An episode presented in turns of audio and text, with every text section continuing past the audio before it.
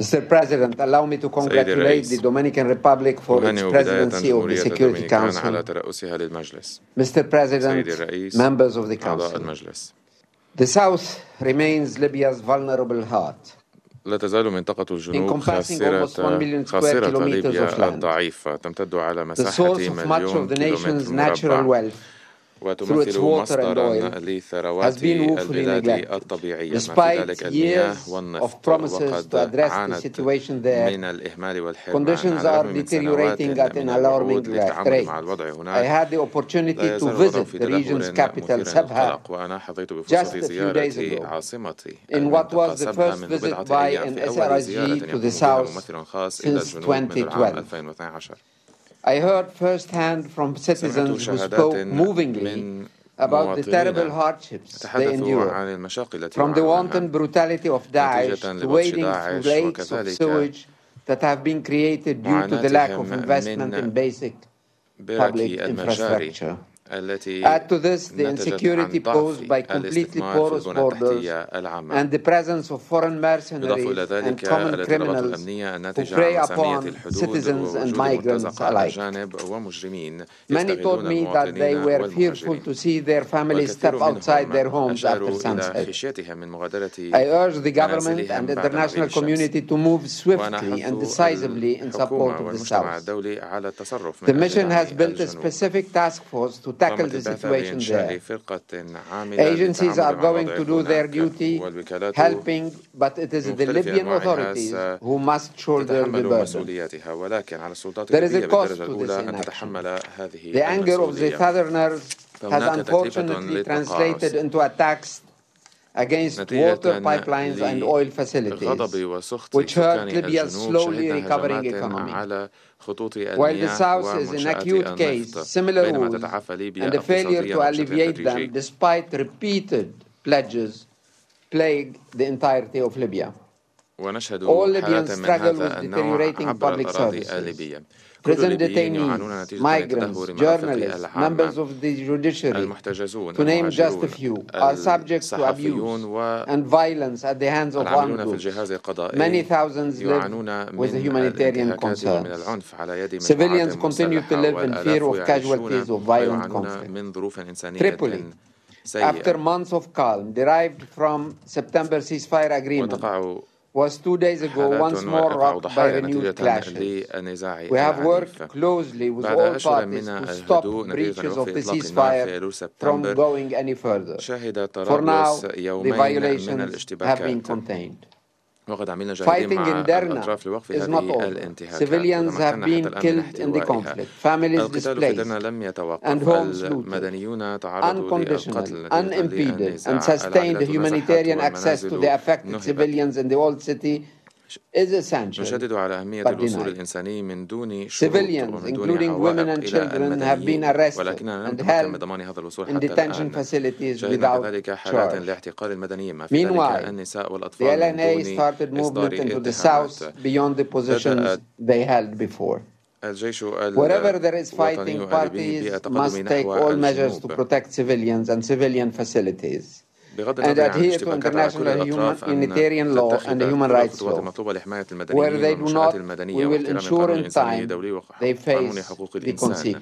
وإلا لابد وأن يتحملوا العوائق أو العواقب سيدي الرئيس Over the last months, we have seen some progress in efforts to stabilize the country and to improve the lives of the Libyan people. The government of National Accord has continued to appoint new ministers, most recently to the vital portfolios of health and local governance.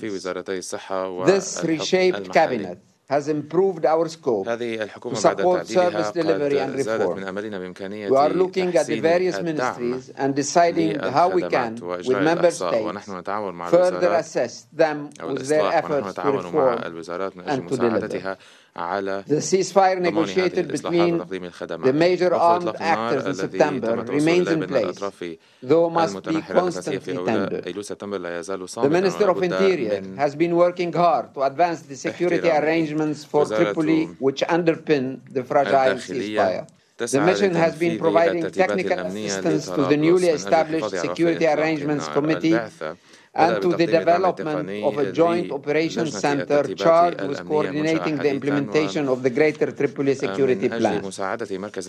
While much remains to be done, these initiatives have helped bring calm to the city. More broadly, there is an imperative to improve security across the country. Terrorists strike in various towns and cities. Most recently, with the 25th of December, Daesh attack on the Ministry of Foreign Affairs Sporadic clashes still spark across the country. As much of law enforcement remains in the hands of armed groups, not professional security officials. Here also, there is hope. Last month, I attended the opening of the refurbished police academy.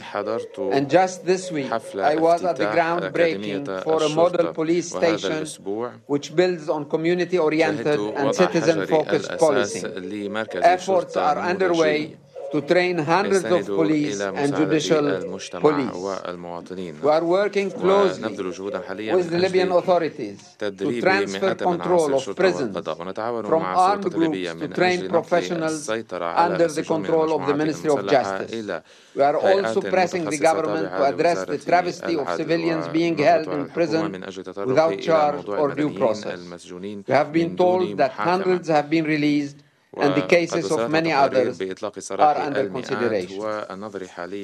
Members of the Council, the economy has continued to stabilize. The black market price of the Libyan dinar against the US dollar has collapsed as a result of the economic measures announced last September.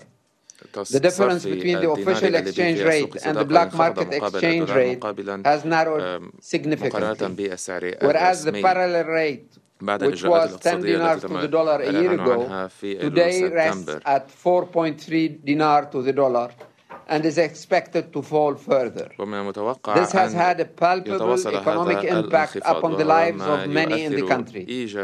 Inflation has steadied and commodity prices have dropped substantially in a country that imports a huge part of its needs in hard currency. Prices are down sometimes by 40%. The liquidity crisis has finally been combated. In most, if not all, cities and villages, the long queues of people standing for days outside of ATMs to get a meager fraction of their assets is now behind us. Ministers looking at means to further this trend.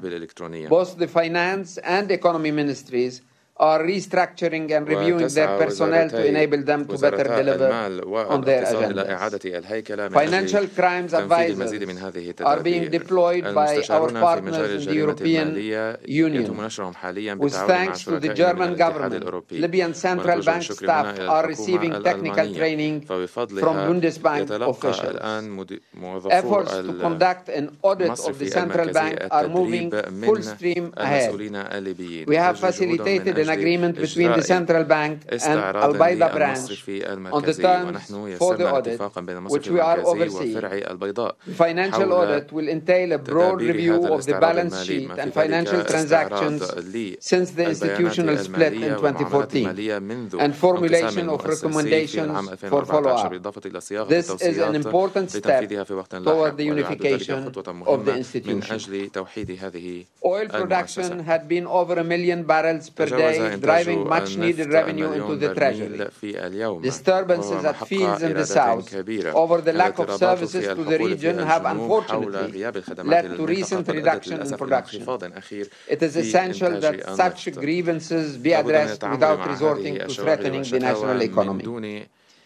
Much more time and work are needed to create the prosperous, resilient, and transparent economy Libya needs.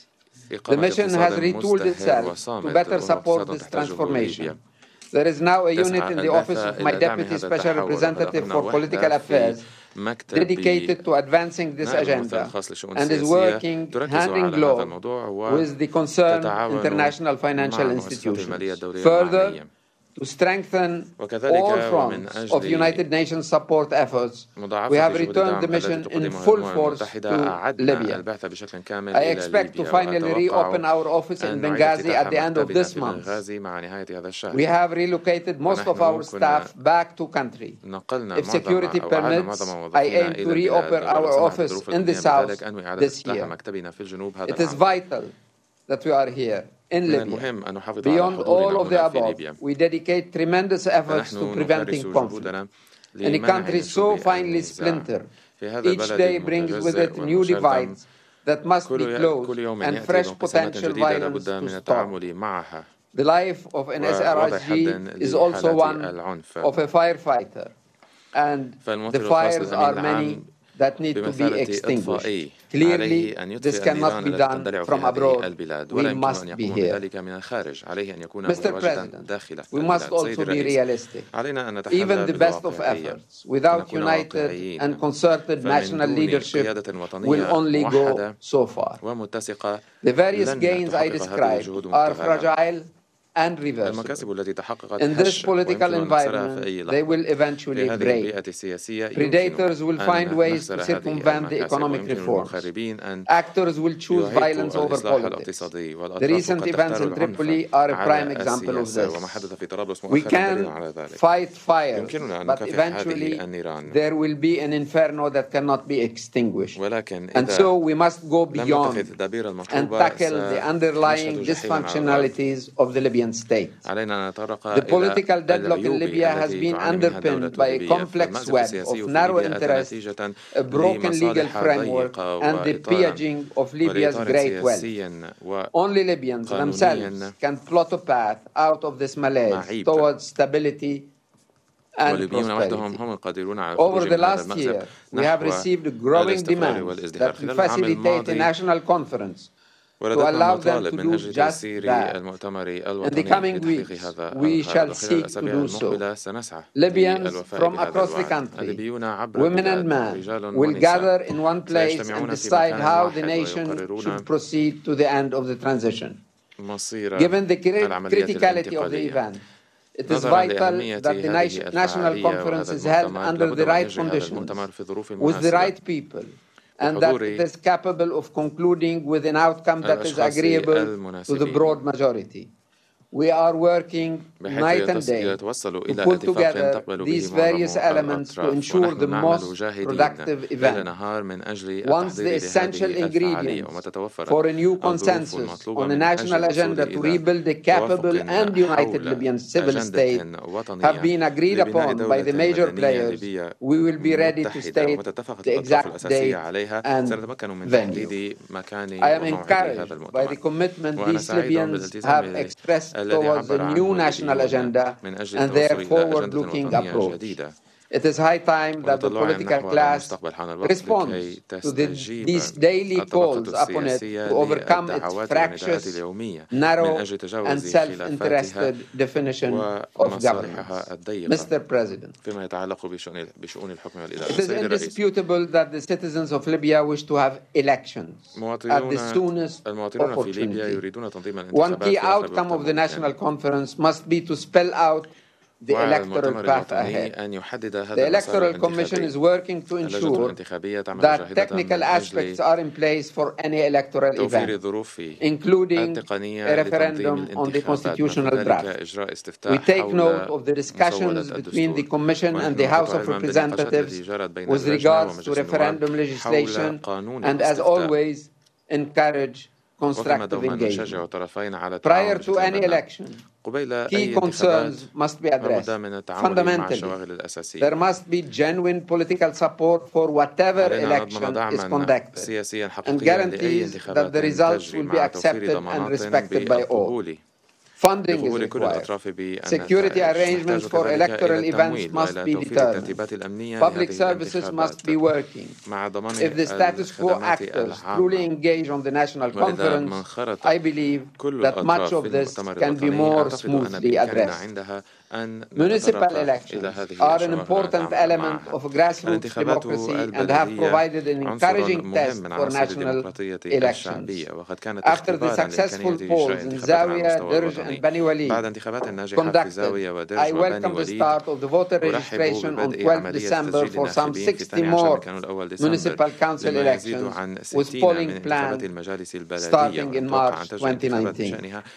Mr. President, the last months and years have been defined by a struggle between entities and individuals, fueled by personal ambitions, underpinned by institutional dysfunctionality leading only to a deteriorating status quo. However, what is past can be prelude. Now is the time for Libya to come together in the spirit of compromise and overcome past difficulties. I beseech the members of the various Libyan institutions to see the National Conference as a patriotic concern that transcends partisan and personal interests, to embrace it as a means to be the leaders this great country needs. Members of the Council, of course, there will be those who seek to undermine the National Conference and its outcomes, particularly individuals hoping to delay elections so they may remain in their seats. Competing interests are natural. However, they should not undermine state rebuilding and institutional reunification. Without the concerted support of the international community, spoilers will sabotage the political process and undo any advancement made. If this were to be allowed, Libya's progress will be set back years and almost certainly open the door to those who believe there is only a martial solution to Libya's woes. Vital counter-terrorism activities will continue to be hamstrung without the accompanying state building they need to be truly effective. Your support to our efforts and clear signals of resolve to the many potential spoilers are vital. Within your grasp, you hold the opportunity to make the National Conference a success and municipal, parliamentary and presidential elections a reality. With all this, to foster Libya's transformation into a stable and secure state based on unified bodies and democratically elected institutions. I can only encourage you to, seize this opportunity. Thank you.